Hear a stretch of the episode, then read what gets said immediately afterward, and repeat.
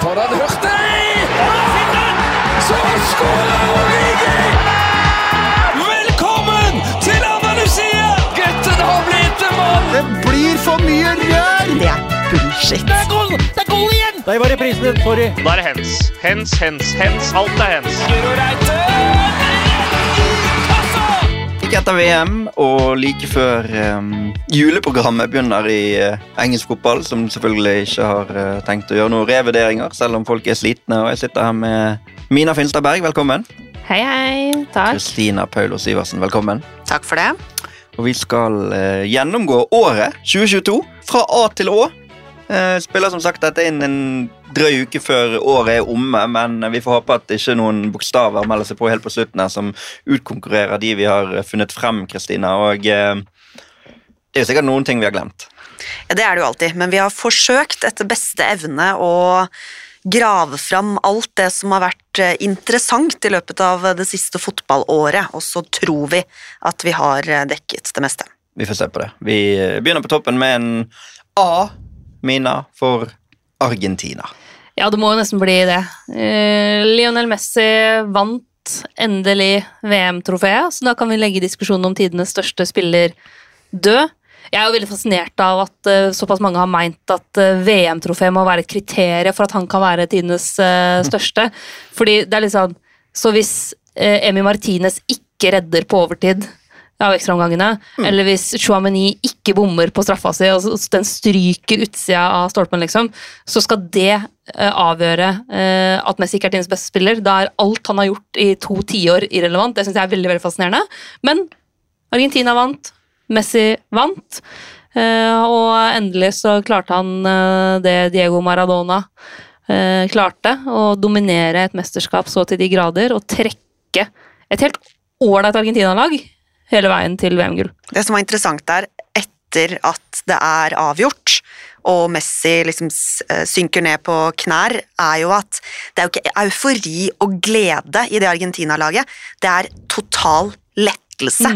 Det er en følelse av at samtlige 25 andre spillere i den troppen har kjent på et press om at vi må klare å gi Lionel Messi dette VM-gullet, og nå klarte vi det. Og du så jo det på en måte etterpå der, og alle går rundt og skal klemme Messi. Alle er liksom bortom oss han og på en måte bare 'vi fikk det til, vi fikk det til'. Vi, vi ordna det for deg, på en måte. Men eh, det er jo noe med timingen for dette år. da. Altså, du kan si hva du vil om mesterskapet, og det skal vi komme tilbake til senere på en annen bokstav, men det er første gang Diego sitter der oppe og har eh, den beste plassen av alle. Og da, i en alder av 35, så gjør Messi Han gjør jo i praksis det samme som Maradona gjorde den gang, selv om vi er såpass unge at vi ikke så det live. Så i hvert fall de som har levd en stund, trekker jo de samme referansene her. Og Messi har jo vist den høsten her, da, ikke bare i VM, men hele høsten egentlig, at han er fortsatt helt vanvittig hinsides god. Han har mista litt av den akselerasjonen som eh, var så, så spesiell med han tidligere. Han, det, det rykket, det enorme rykket er ikke like bra lenger, men overblikk, teknikk, eh, kroppen i perfekt balanse, blikket, alle de greiene der, er jo, er jo like bra som det alltid har vært, og evner fortsatt å liksom, dominere internasjonal fotball eh, i en alder av 35. Og det er jo ganske vanvittig. og jeg er for ung for Maradona, jeg er jo definitivt for, for ung for Pelé, men jeg har aldri noensinne sett noe i nærheten av det Lionel Messi har levert nå i så mange år. Og så fikk jo Argentina, i og med at de tapte for Saudi-Arabia, som virker helt sånn surrealistisk omtrent nå når vi snakker om det, en perfekt eh, hva skal vi si, dramaturgi i det hele. For de måtte vinne hver gang. De måtte vinne hver eneste kamp fra den åpningskampen ut. Det var ikke et eneste hvileskjær. Det, det var ikke lov til å hvile noen gang, så du måtte være påskrudd hele veien da, etter at de ikke var det i den første kampen. Og det er vel ikke en uvanlig greie det for verdensmestere, at man går på en smell i, starten og så må skru litt om. Spania gjorde det i Spania 2010. mot Sveits, var det ikke? Mm, Tapte 1-0 Ja. mot Sveits i, i første kamp. Det blir jo ikke den samme bomben som Saudi-Arabia, men man har jo sett lignende tilfeller før, da. Men Argentina fikk sitt eh, tredje VM-gull, Lionel Messi fikk sitt første, og de får også bokstaven A i denne gjennomgangen. Og vi hopper til B, som vel til slutt endte med å bli boikott.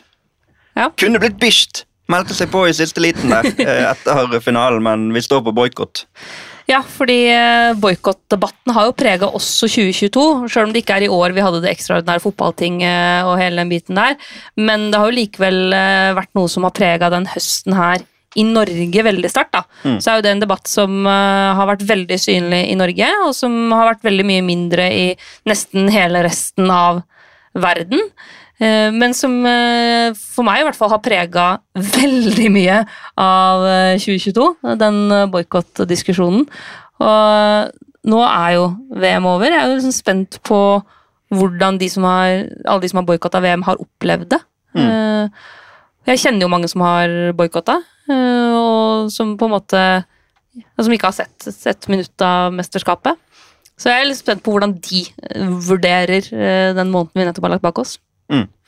Det er jo Boikott i seg sjøl er jo et sterkt virkemiddel. Eh, Det var ingen klubbland unnskyld, som boikottet til slutt. Vi fikk jo noen markeringer, og så var jo det noen markeringer som ikke ble noe av, som det var snakk om gjennom mesterskapet. Så mange vil jo si at en del har vært feige. Eh, Det er jo et synspunkt som går an å stille seg bak, til en viss grad i hvert fall, ikke det? Det blir noen kontraster, da. Eh, Når du den ene dagen eh, får ganske mange europeiske nasjoner, altså England, Danmark, flere andre, som går tilbake på å bruke det one low-armbåndet fordi det kan komme sportslige reaksjoner. Og bare så det er sagt, Jeg skjønner at de lagene har vært en veldig vanskelig situasjon, og at det er vanskelig å be spillerne om å ta den støyten, liksom. Men så får du se bildene av Iran, da. Og de iranske spillerne som første kampen står og ikke synger nasjonalsangen med de potensielle konsekvensene det kan få, og så at de da regelrett tvinges til å synge den seinere i mesterskapet, og står og mumler med tårer i øya. Så det blir noen kontraster der mellom hva er du villig til å ofre for å gjøre det du mener er riktig, da. Jeg tror vi lar det være siste ord på B, og så hopper vi til eh, C. Og den har vi valgt å gi til cupen, Kristina. For cupen Da er vi i Norge, nå har vi vært eh, i praksis i VM eh, på de to første bokstavene, men cupen i Norge Hvordan gikk det med den i 2022? Cupen i 2022 gikk eh, fra å være verdens enkleste konsept med vinn eller forsvinn fra første runde fram til finalen i løpet av et kalenderår, til å være et konsept som jeg i hvert fall ikke henger med på lenger. Når er det finale? Eh, når Hvilke lag er fortsatt med? Hvor langt har er vi fortsatt kommet? med? Hvor langt har vi kommet? Og så var det, startet man jo egentlig året 2022 med fjorårets cup med en, en Jeg vet ikke hva jeg skal kalle det. eh, En merkelig situasjon der Ålesund tapte på walkover fordi de ikke kunne spe altså Jeg husker ikke engang detaljene, men det var i hvert fall et kaos uten like, der Bodø-Glimt vant på walkover og gikk videre i cupen. For det Bodø-Glimt måtte flytte kampen pga. sin deltakelse i Europa, som vi også skal komme tilbake til på et senere punkt, så passet ikke det for Ålesund, og da gikk det utover Ålesund. Ja, en utrolig absurd situasjon. Det virker nesten som om at NFF da de planla cupen, bare ikke tok høyde for at Glimt skulle gjøre det såpass bra i Europa. da. Så det var ikke en del av, av planlegginga. Eh, Men, og så fikk vi jo en cupfinale på våren. Ja, for det cupfinalen, altså Alt dette skyldtes jo eller i bunn og grunn at 2020-cupen ble avlyst. Ja. 2021-cupen kom ikke tilbake eller til start før i juli 2021, så de fikk spilt noen runder, og så begynte de da på fjerde runde våren 2022. Så det ble spilt fjerde runde, kvartfinale, semifinale og finale 1. mai Og nordmenn er jo vanedyr. ikke sant? Veldig mange av de som er glad i fotball i Norge, er jo veldig glad i sånn det alltid har vært, og veldig glad i tradisjoner. Jeg er sånn sjæl, bare så det er sagt. Så det at man plutselig skal, ikke skal sitte og fryse under cupfinalen Da jeg var ung, nå høres jeg veldig gammel ut, men jeg har bursdag 1. november. Og det har veldig ofte vært cupfinale den helga jeg har feira familiebursdag. Så at jeg og onklene og fetterne mine har liksom sittet og snikkikka på cupfinalen eh, under min bursdag. ikke sant? Men, men cupfinalen, du skal fryse på cupfinalen. Og sånn blei det ikke i år, og det var et veldig rart opplegg, egentlig, og veldig uvant for mange å, å ha eh, cupfinale på 1. mai, og så er jo det en dag som er litt sånn den er jo en dag veldig mange egentlig bruker til andre ting enn fotball. da. Det er jo en arbeidernes internasjonale kampdag, så det var et rart opplegg. Men Molde vant. Cupmester 2021-22. 1-0. Sivert Mannsverk på straffe. Jeg var på kampene, og det er helt riktig. Det var ikke kaldt. Men det var altså cupen 2022. Og så er det da sånn at cupen 2023 er også i gang, så første, eller ikke første, men neste runde av cupen spilles jo før seriestart neste år, eksempel. Og til alt overmål så skal Viking og Rosenborg møtes, og Brann og Haugesund møtes både der og i første serierunde. Ja. Så det kan bli litt, uh, kluss i kalenderen. utover Jeg ønsker meg tilbake til den gamle cupen, jeg. Ja, det er vårt eh, juleønske for eh, 2022. Gi oss cupen sånn den skal være. Den kommer dere plutselig tilbake. Det, der måtte vi i spanske ordbøker, Kristina, for hva står D-en for? Dinero, også kalt penger på godt norsk, da. Og da er jo eh, referansen til Barcelona og deres økonomiske puslespill av en sommer, eller egentlig år. Ja, og altså, Det var så absurd inn mot seriestarten i Spania i sommer. fordi Da satt jeg altså inne på La Ligas nettsider for registrering av spillere og trykka liksom den der oppdateringsknappen hvert femte minutt. Eller faktisk ofte en gang i minuttet cirka. Eh, Og det har jeg aldri gjort før. At jeg har sittet inne på registreringssidene til La Liga. Men det var jo en kamp mot klokka for at Barcelona skulle få registrert alle disse nysigneringene sine. Eh, mange av lytterne har jo sikkert eh, hørt oss prate mye om det her da det pågikk, men det er jo sånn i Spania at man har et form for lønnstak. Sånn at La Liga setter et tak for hvor mye hver enkelt klubb har lov til å bruke på, på troppen sin, da, på lønninger og signeringer og sånn. Og hvis du ikke er innafor det lønnstaket, så får du ikke Du kan kjøpe spillere, men du får ikke registrert dem for spill i La Liga. Så Lewandowski, Jules Condé, Rafinha, fornya kontrakt på Dembélé, alle disse spillerne her satt vi jo og var genuint usikre på om faktisk kom til å bli registrert i tide.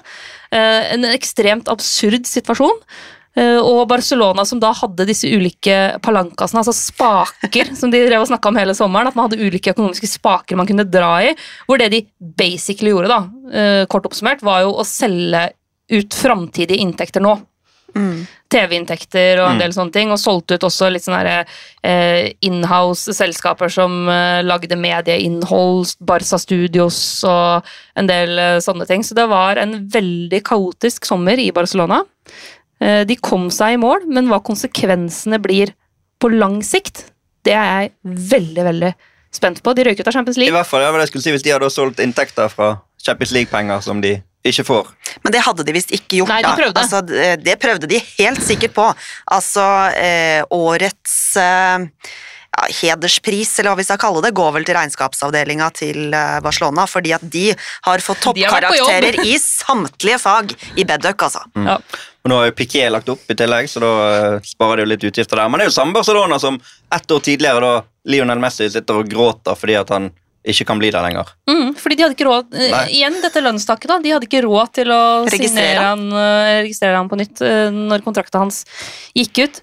Så ja, men de røk ut av Champions League. Det var ikke en del av planen. Planen til Barcelona-president Laporta var jo å investere en sånn, ha en sånn derre god sirkel hvor du investerer nå i spillere for å få sportslig suksess som skal gi deg kommersiell suksess. Du skal tjene penger seinere på sportslig suksess her og nå, Eh, men om det er nok å vinne La Liga, jeg er usikker. Så allerede en smell i strategien der med Barcelona på huet ut av gruppespiller Champions League. Det skal handle om eh, til en viss grad Champions League, også på bokstav nummer E. Da er vi over på en eh, trist nyhet. For det var faktisk i år, 19. januar 2022, at Nils Arne Eggen døde. 80 år gammel. En legende i ordets rette målestokk i norsk fotball. Ja, en mann som har betydd helt enormt mye for eh, norsk klubbfotball. klubbfotball. Som ga oss i vår eh, spede barndom eh, mange flotte øyeblikk foran eh, TV-skjermen med særlig Rosenborg i Champions League, men som vel også vant eh, ligaen med Moss. Mm. Året Lenge før, født, eh, 1987. Ja. Og som sammen med Drillo da, flytta absolutt alle grenser for hva som var mulig i norsk fotball. Og jeg mener jo også at Drillo sammen med Nils Arne Eggen rundlurte jo meg og veldig mange andre som var barn på 90-tallet til å tro at Norge var en veldig mye større fotballnasjon enn det vi egentlig er. Fordi jeg trodde i min barndom at det var helt naturlig at Norge var i VM alltid og slo Brasil og sånn, og at norske lag eh, spilte Champions League, og at norske lag med jevne mellomrom skulle slå liksom Real Madrid, AC Milan, disse store lagene. Så de gutta der, de, de rundlurte meg, fordi de eh, gjorde ting som egentlig ikke skulle være mulig i, med norsk fotball.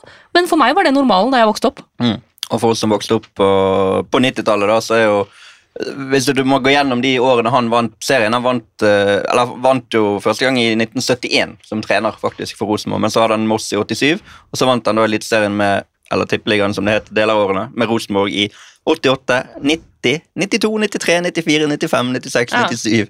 Så ga han seg et år, men Rosenborg vant likevel. Og så var han tilbake i 99, 2000, 2001, 2002. Så ga han seg igjen, og så kom han tilbake i 2010 Altså, og Jeg vant. levde i en veldig enkel fotballverden på den tida der, fordi Rosenborg vant serien hvert år. Det var Mm. liksom ikke noe spørsmål, det. Det var bare sånn eh, norsk fotball var. Så Nils Arne Eggen, eh, en av de aller aller største i norsk fotball, og takk for alt han ga. Og da, da holder ikke det at Eintracht Frankfurt vinner Europaligaen og Nei, Du vinner sitt første eggen. trofé siden 1980. Du, du kommer ikke med på E eh, av den grunn. Eh, på F eh, der er det en liten sånn outsider som eh, jeg kanskje dro litt opp av hatten der, og ikke dere nødvendigvis eh, stilte dere bak med alt det betyr, men finalissima. Du liker ordet, du. Ja. og så liker jeg at en turnering i hermetegn blir arrangert for første gang på 29 år. Ja. For det er jo en eh, turnering som har vært eh, to ganger før. Det er ikke sikkert alle vet hva vi snakker om engang når jeg sier ordet. Sånn kjapt kan du gå gjennom. Nei, altså Det var jo da denne kampen mellom eh, de regjerende Copa America-mesterne og de regjerende europamesterne. Så altså da Argentina mot eh, Italia i en egen sånn eh, kamp. Og det, og det Jeg syns jo det er litt gøy, jeg også. Ja. At man får en For det er jo to store nasjoner. Og så er det jo litt sånn at vi er jo veldig veldig vant til at lag fra samme forbund møter hverandre i EM-kvaliker, VM-kvaliker, Nations League, eh, EM og alt det der. Men det er jo ikke så ofte vi får se disse store fotballnasjonene på tvers av kontinentene møtes. Det er jo egentlig bare i VM. Mm. Så det å få noen sånne liksom, prestisjekamper mellom eh, de beste i Europa og de beste i Sør-Amerika, eh, er jo stas. Så får vi se om det er noe som har kommet for å bli, da. Denne kampen gikk eh, på Wembley i juni. 87 000 tilskuere. Gått litt under radaren likevel. Ja. Argentina vant 3-0. Messi var banens beste. Litt sånn omen på hva som faktisk skulle komme. Ikke det viktigste trofeet Messi vant i 2022, eller Argentina, men ehm, det var også det siste trofeet Maradona vant med Argentina.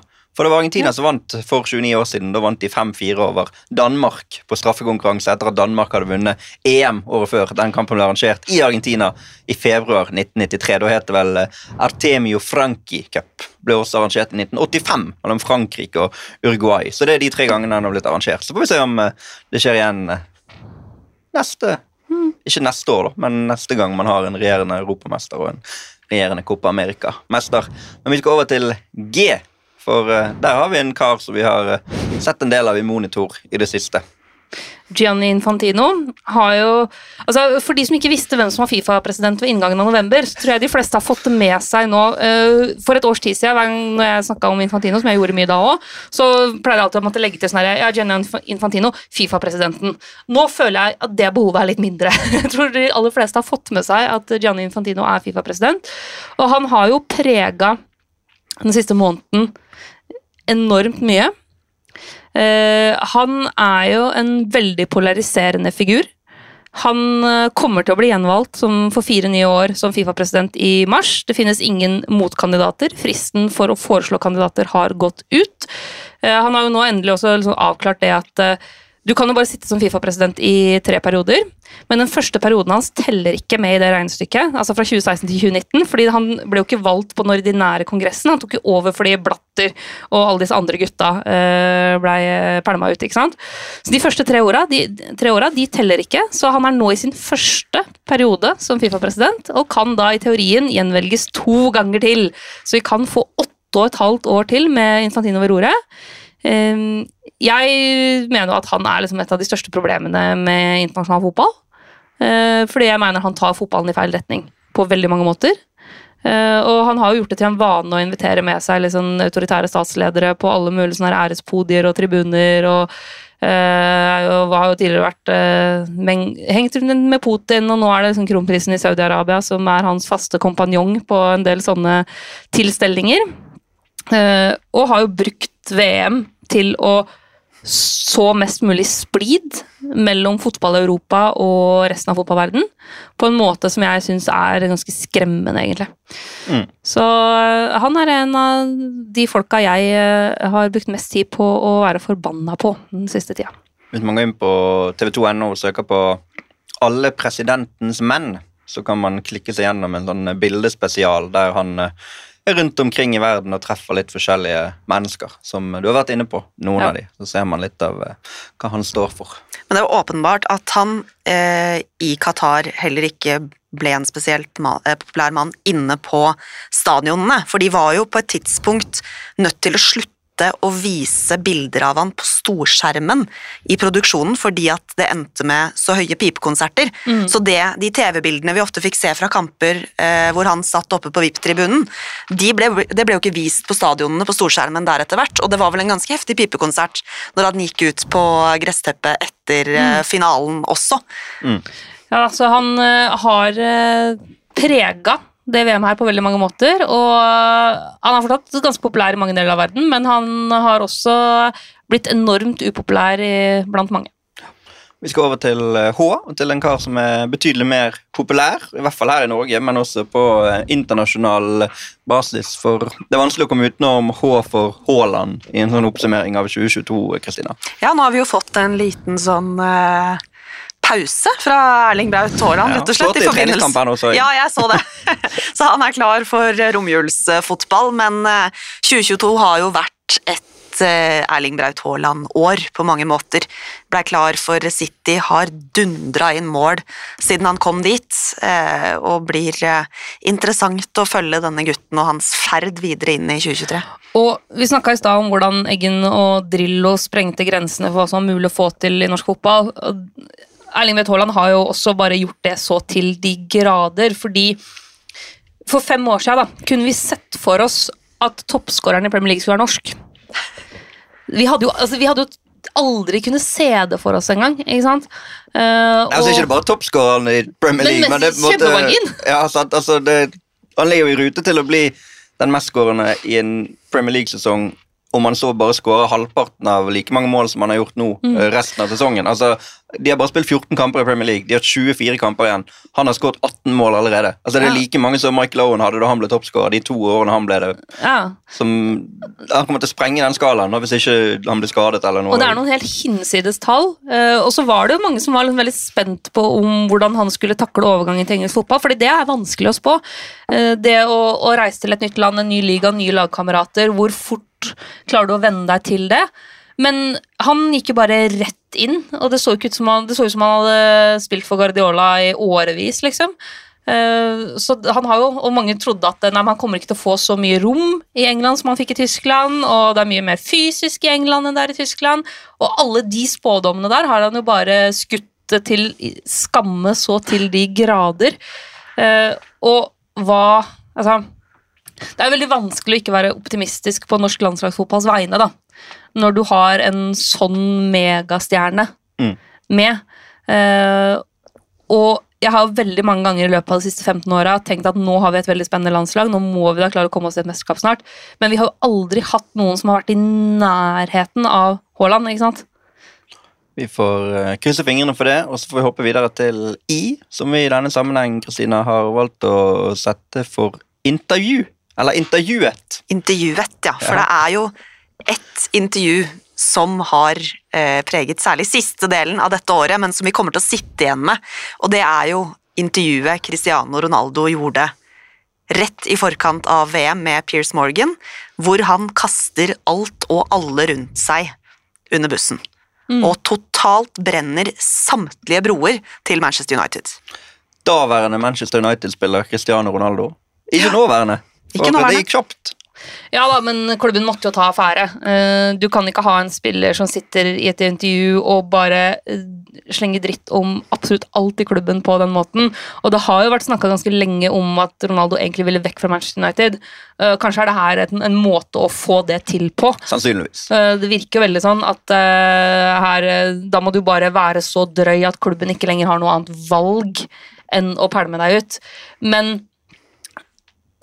nå har vi jo i to tiår hatt diskusjonen eh, Ronaldo versus Messi. Eh, og så skulle liksom det her, eh, denne høsten her, det VM her, være noe av det som skulle avgjøre den en gang for alle. Og så har du også da en klubbløs Cristiano Ronaldo som ender opp med å bli benka av den portugisiske treneren, og Portugal spiller dritmye bedre uten ham. Eh, han står nå uten klubb. Det er veldig veldig få europeiske toppklubber som er, virker å være interessert på noe som helst måte. Fordi ingen er lenger villig til å betale eh, det han koster. Og jeg tror også veldig mange nå tenker at uh, han gir deg mer trøbbel enn uh, det er verdt. da. For han leverer jo ikke like bra på banen lenger heller. Nei, og det er det. Hva han koster, er mer enn hva han koster i kroner og øre. Én ting er lønn, uh, sign-on-fee, alle disse tingene her, men det å ha personligheten Cristiano Ronaldo i et lag, i en klubb, i en gruppe, det er ikke billig, det heller.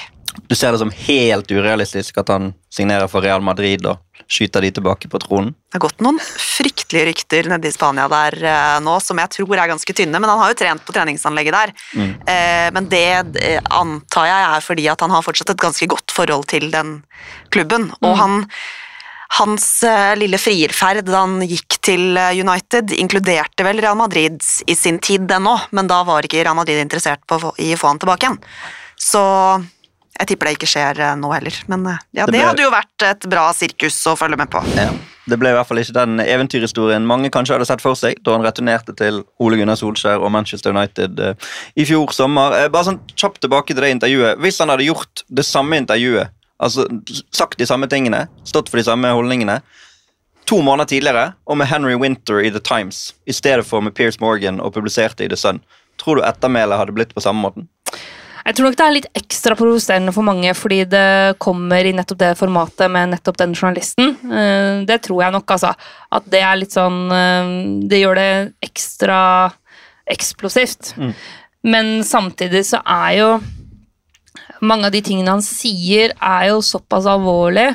Eh, og går såpass på akkord med eh, Vi vil jo at fotballspillere skal snakke åpent, alt det der, men man har, må jo også ha en viss lojalitet til arbeidsgiver, til trener, til lagkamerater. Og eh, det å snakke så ærlig og åpent om det får jo konsekvenser. ikke sant? Og de konsekvensene må du jo være villig til å ta. Og det tror jeg Cristiano Ronaldo visste veldig veldig godt da han gikk inn i det. Eh, og at dette er forholdsvis kalkulert, da. Vi hopper til J, som eh, skal stå for eh, José, José, José Mourinho. Ikke bare i seg sjøl, fordi at han nå i 2022 fikk seg en tatovering med tre europeiske titler på armen, men eh, jo, egentlig på grunn av det. Fordi Conference League hadde sin første finale mm. noensinne. Den vant, selvfølgelig. José Mourinho og Roma.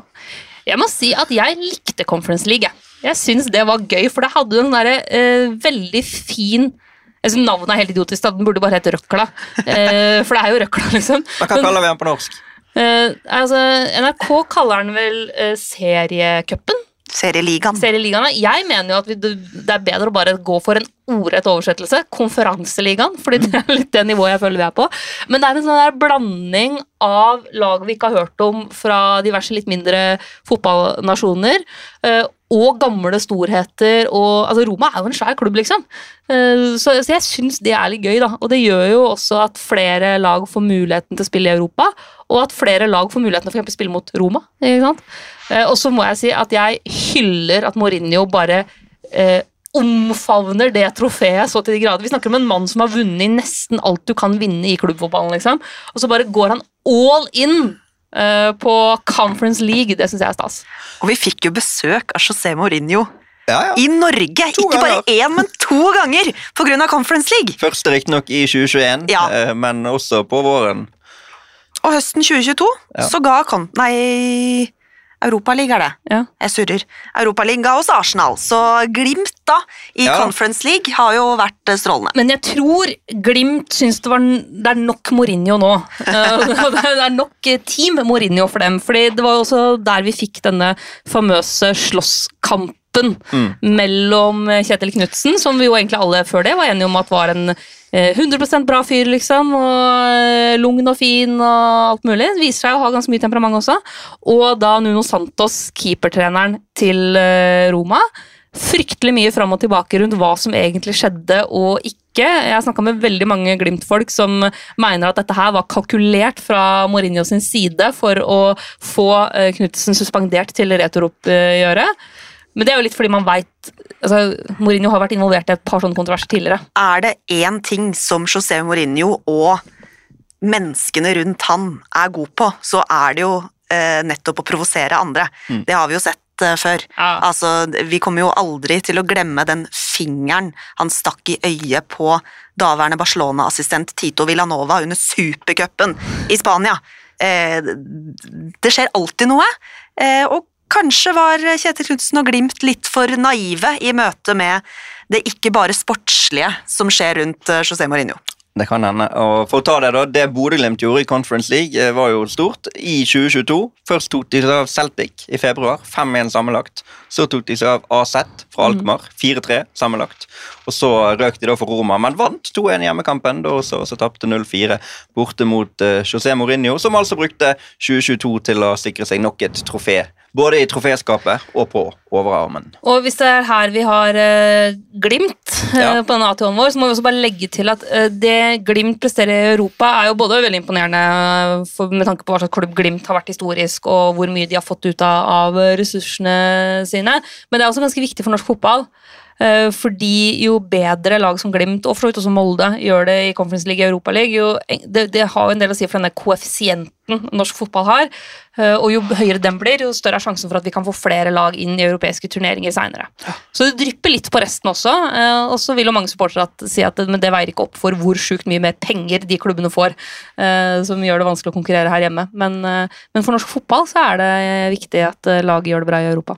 Det er helt riktig. Og det kunne vært K for eh, koeffisient, men det ble K for uh, Klavenes, og da uh, først og fremst uh, som resultat av um, Eller for, for all del, hun har hatt et eh, år, begivenhetsrikt år eh, som fotballpresident, men den talen som hun holdt 31. mars i Doha Mm, Du da, var der. Da var jeg der, ja. Jeg satt Ja. i salen.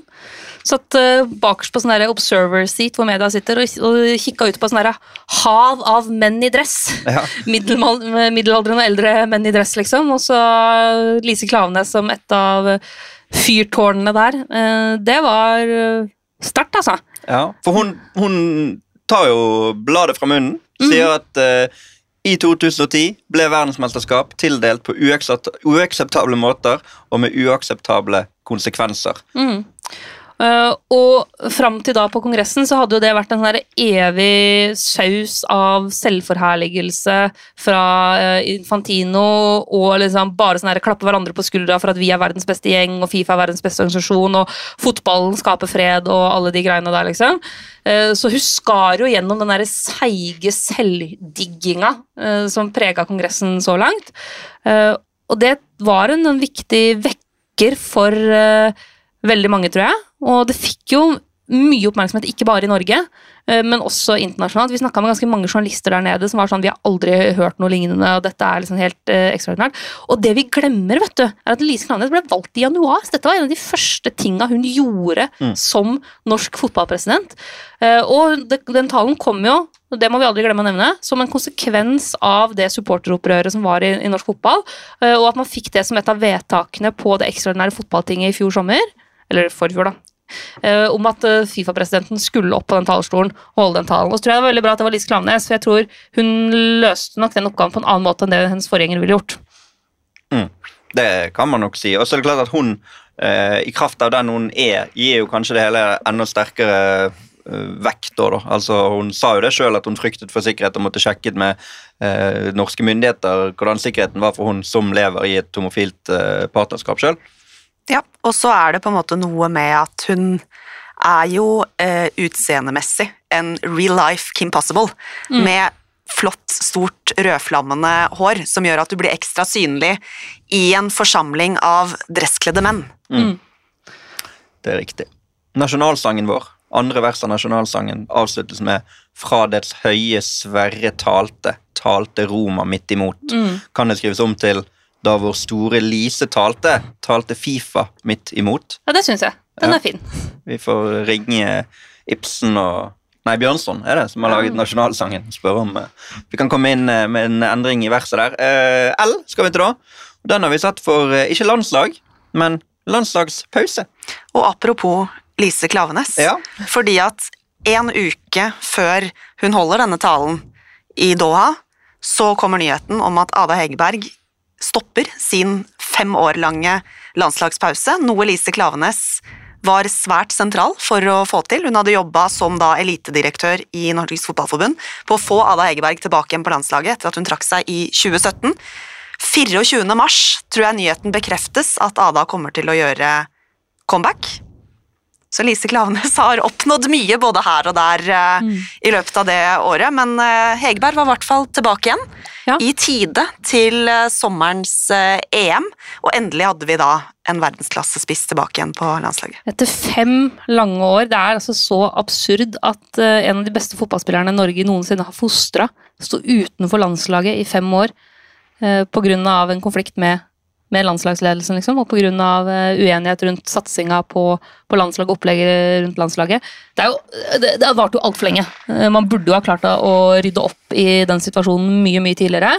Men Ada er tilbake, og jeg syns vi også har sett nå, eh, både i sommer og i høst, en Ada Hegerberg som tar veldig stort ansvar. Altså, hun er en lagspiller og en leder på en annen måte enn for fem år siden. Hun har jo blitt fem år eldre, altså det er ikke så rart heller. Men eh, hun har ikke den der auraen av en superstjerne, superspiss som spiller for seg sjøl. Hun er den som tar det ansvaret for å samle jentene, og som alltid er først til å si liksom eh, her må vi alle sammen gå i oss sjøl eh, hvis noe går gærent, og, og tar så stort ansvar som lagspiller. Det liker jeg å se. skal vi komme litt tilbake til EM eh, på en senere bokstav. Men eh, dette var jo en Ada Hegerberg som hadde vært ute med skade. Vi kan si litt om det comebacket hun også gjorde. Eh, og Det var ikke lenge etter dette eh, comebacket for Norge at hun faktisk også ledet Lyon til Champions League-tittel igjen. Hun var altså så mektig som både spiller og figur i den Champions League-finalen i Torino mot forhåndsfavoritt Barcelona. Et Barcelona som hadde kjørt over alt og alle i to år i strekk, mens Lyon kom fra et utfordrende år eh, hvor de ikke vant ligaen, hvor de røk ut mot eh, rival PSG i eh, sluttspillet Champions League året før, så de hadde jo på en måte alt eh, ja, både å vinne og tape, men de var på en måte på en sånn revansjetur, da, med da Ada Hegerberg endelig tilbake igjen, og så er hun bare involvert i absolutt alt i en kamp, og særlig en førsteomgang hvor Lyon bare maltrakterer Barcelona. Ja, det var mektig å se, ass. Og så er vi jo fremdeles på L for landslagspause, og da er det verdt å nevne en Barcelona-spiller òg i den sammenheng. Det er det, fordi at eh, der en pause var over, så gikk det et lite halvår, så startet en eh, ny en. Caroline Graham Hansen, som i eh, slutten av august meldte at hun tar en pause fra landslagsspill på ubestemt tid, eh, men av litt andre, andre årsaker enn det Ada hadde i sin tid. Ada var jo på grunn av at hun mente at NFF særlig ikke satsa nok på, på jentene og kvinnene, og at det derfor tok for mye energi å, å være en del av landslagsapparatet, mens Caroline Graham Hansen eh, var rett og slett utmattet, eh, både fysisk og psykisk. Har hatt et tøft år bak seg med hjerteproblemer, eh, en del skader og ekstremt høy kampbelastning, så når eh, hun kom til august der, så kjente hun at nå skyldte hun ikke noen andre enn seg selv å ta vare på kroppen og, og psyken, så hun eh, er ikke en del av det norske landslaget når vi avslutter 2022. Men forhåpentligvis i løpet av 2023. Det må være lov å håpe på. Det håper vi på, og Du det har jo vært og intervjuet henne i nå høst etter dette, etter at det har kommet litt på avstand. og Siden hun da ga seg, har jo Norge kvalifisert seg for et fotball-VM neste sommer i New Zealand, Australia. Og alle håper jo at hun skal være med der. Jeg spurte Karoline rett ut da jeg var i Barcelona og møtte henne i november. Ser du for deg at du ønsker å spille VM for Norge til sommeren? Ja, jeg ser for meg det. Men så må tiden vise om jeg føler meg klar, og om de vil ha meg med, sa hun. Ja. Men det blir for 2023-oppsummeringen av fotballåret. Vi hopper til M, som er for kanskje overraskende for noen, men for Mané. Eh, Og Da skal vi også først og fremst tilbake til starten av 2022. Januar-februar så ble Afrikamesterskapet arrangert, og Senegal Stadio, Sadio Mané var mesterskapets store spiller. Mm. Det må vi kunne si. Eh, Senegal vinner Afrikamesterskapet for første gang. Slår Egypt i finalen på straffekonkurranse. Han skårer på den avgjørende straffen. Og var jo også stor for Liverpool, eh, som vi også faktisk skal komme tilbake til på et annet punkt eh, utover våren. Ble solgt til Bayern München. Skulle bare på en måte fullføre Bundesliga-sesongen, men siste hinder før VM måtte ut med skade. Og der mistet VM en attraksjon. Ja, og Senegal mista sin eh, klart viktigste spiller, sin eh, ledestjerne, og ja, det, Jeg har tenkt mye på hvordan ville Senegal sett ut med Mané. Mm. Eh, fordi han hadde jo en fantastisk sesong forrige sesong. Eh, og er jo en av de spillerne som virkelig kan bare ta tak i en kamp og dominere. Eh, så det er veldig synd for Mané, men han har jo Afrikamesterskap å trøste seg med. da. Det får vi Ja da, på. han vant noe i 2022, men det er ikke umulig at de kunne vunnet den gruppen i stedet for Nederland. Fått den reisen Nederland fikk. Mm. Hvem vet? Kunne det vært Senegal som sto der som det første afrikanske landet, sammen med Marokko, som nå imponerte alle. M kunne selvfølgelig også stått for Marokko, men vi har snakket mye om VM allerede og har et par punkter igjen. Så det ble Mané denne gang. Eh, N for Nations League. Gode, gamle Nations League, som vi alle er så glad i. Og eh, nå kommer det Nations League for kvinner òg. Ja. neste, ja, det begynner vel neste år. Det er vel eh, høsten 2023, så når vi spiller inn dette om et års tid, så vet vi mer om hva det har å si på kvinnesiden. det er et konsept jeg har kjempetroa på. Altså, jeg tror det er dritviktig for landslagsfotballen på kvinnesida å få jevnere matching eh, eh, gjennom ikke bare i mesterskap, men ellers også. Men det er ikke derfor Nations League er med Neida. på denne oppsummeringen. Det er pga. det Nations League er og står for og er så fantastisk. Og Norge, som var veldig nære og nok en gang kunne rykke opp fra Nations League, denne gang Nations League nivå B. Eh, først og fremst takket være en voldsom sterk juni, der vi først eh, reiser til Beograd, så Serbia. Matchvinner. Hmm? Matchvinner i, Beograd, Erling Braut Haaland. Ja, Så er reiser de til eh, Stockholm, Friends Arena, Sverige. 2-1, to mål av. Erling Braut Haaland. Erling Braut Haaland. Og så en liten nedtur som skulle jo vise seg litt avgjørende med 0-0 hjemme mot Slovenia Slovenia 9.6. Og så 3-2 over Sverige. To av Erling Braut Haaland, ett av eh, Alexander Sørloth. Det var fire kamper på ti dager. Da egentlig mange hadde litt sånn fotballpause, kanskje, fordi sesongen nettopp var over, og det hadde vært spilt i nesten to år i, eller i hvert fall et år i strekk. da. Men eh, det gjorde jo at eh, Norge kom til disse septemberkampene med veldig gode muligheter for å vinne, for å rykke opp, for å sikre et bedre seedingsnivå i EM-kvaliken, for å eh, få sikret god motstand, for å ha en backup playoff-plass. Mm. Men så, som så ofte før, vil jo noen si, gikk det ikke veien i Slovenia og hjemme mot Serbia. Norge er jo verdensmester i å snuble på målstreken, men jeg syns likevel at vi gjennom sommeren da, har sett konturene av hva Ståle Solbakkens Norge kan bli. Fordi De første kampene han hadde da han tok over som landslagssjef, da var det liksom tre-fire kamper på ei uke der hvor han knapt fikk møte spillerne på forhånd, for da midt i pandemi og alt var nedstengt, og spilte hjemmekamper i Spania, og det var liksom ikke måte på. Eh, Så jeg føler det er først nå vi begynner å, vi for alvor kan begynne å se litt, ok, men hvordan kommer Norge til å se ut under Ståle Solbakken? Og det ser jo lovende ut, sjøl om man da snubler på oppløpssida den høsten her, så syns jeg jo at det alt i alt eh, ser bedre ut enn på lenge. Ja da, og De blir jo da nummer to i en Ja. eh, gruppe på nivå B. Sverige rykker ned fra samme gruppe, så man må se litt perspektiv på det også. Men uh, det er en spennende hjemkvalik som kommer eh, neste år. Sp skal opp mot Spania. Et mm. nytt Spania, eller bare et uh, oppgradert Spania med ny landslagssjef. Jeg er jo veldig veldig spent på hvordan Spania kommer til å se ut eh, nå framover. Eh, det var jo ikke et veldig spennende valg på trenersida der, liksom, eh, på noe som helst måte. Og, men Spania er jo ofte ganske gode i liksom sånn eh, kvaliker og gruppespill og sånn. Eh, det er jo når det virkelig gjelder i sluttspill de feiler, og stort sett alltid har feila, bortsett fra den perioden fra 2008-2012. Så i liksom kvaliker, gruppespill og sånn, så pleier Spania å være veldig solide. Og de har jo en ung generasjon på vei opp nå som er ekstremt spennende. Um, mangler jo som vanlig en spiss, da. Uh, men, men er ganske godt dekka på midtbana, som vanlig. Som vanlig. Og så er det jo fremdeles relativt sannsynlig at Norge kan få en playoff eh, om det skulle ikke bli topp to i den gruppen, som også inneholder Skottland og Georgia og Er det Malta, som alltid? Ja, kanskje det. Ja, Nå ble jeg usikker, eh, men eh, i og med at en del lag foran oss i Nations League-pyramiden kommer til å kvalifisere seg direkte. Så vi skal over til O, som står for Obos og Obos-rekorder. For Brann surfet gjennom. Som Biggen sa. Hvis dette Obos er var nivået Jeg hadde rett, da. Han hadde rett. Byggen hadde rett, Obos er for lett. Spesielt nok i seg sjøl, men Brann ble ikke nådeløst straffet for den uttalelsen, for de cruiset gjennom. Hør på de rekordene de slo. 81 poeng på 30 kamper. Det var en eh, forbedring på to poeng på den gamle rekorden. 26 seire, én mer enn den gamle rekorden. Ett tap, som er tangering av den gamle rekorden.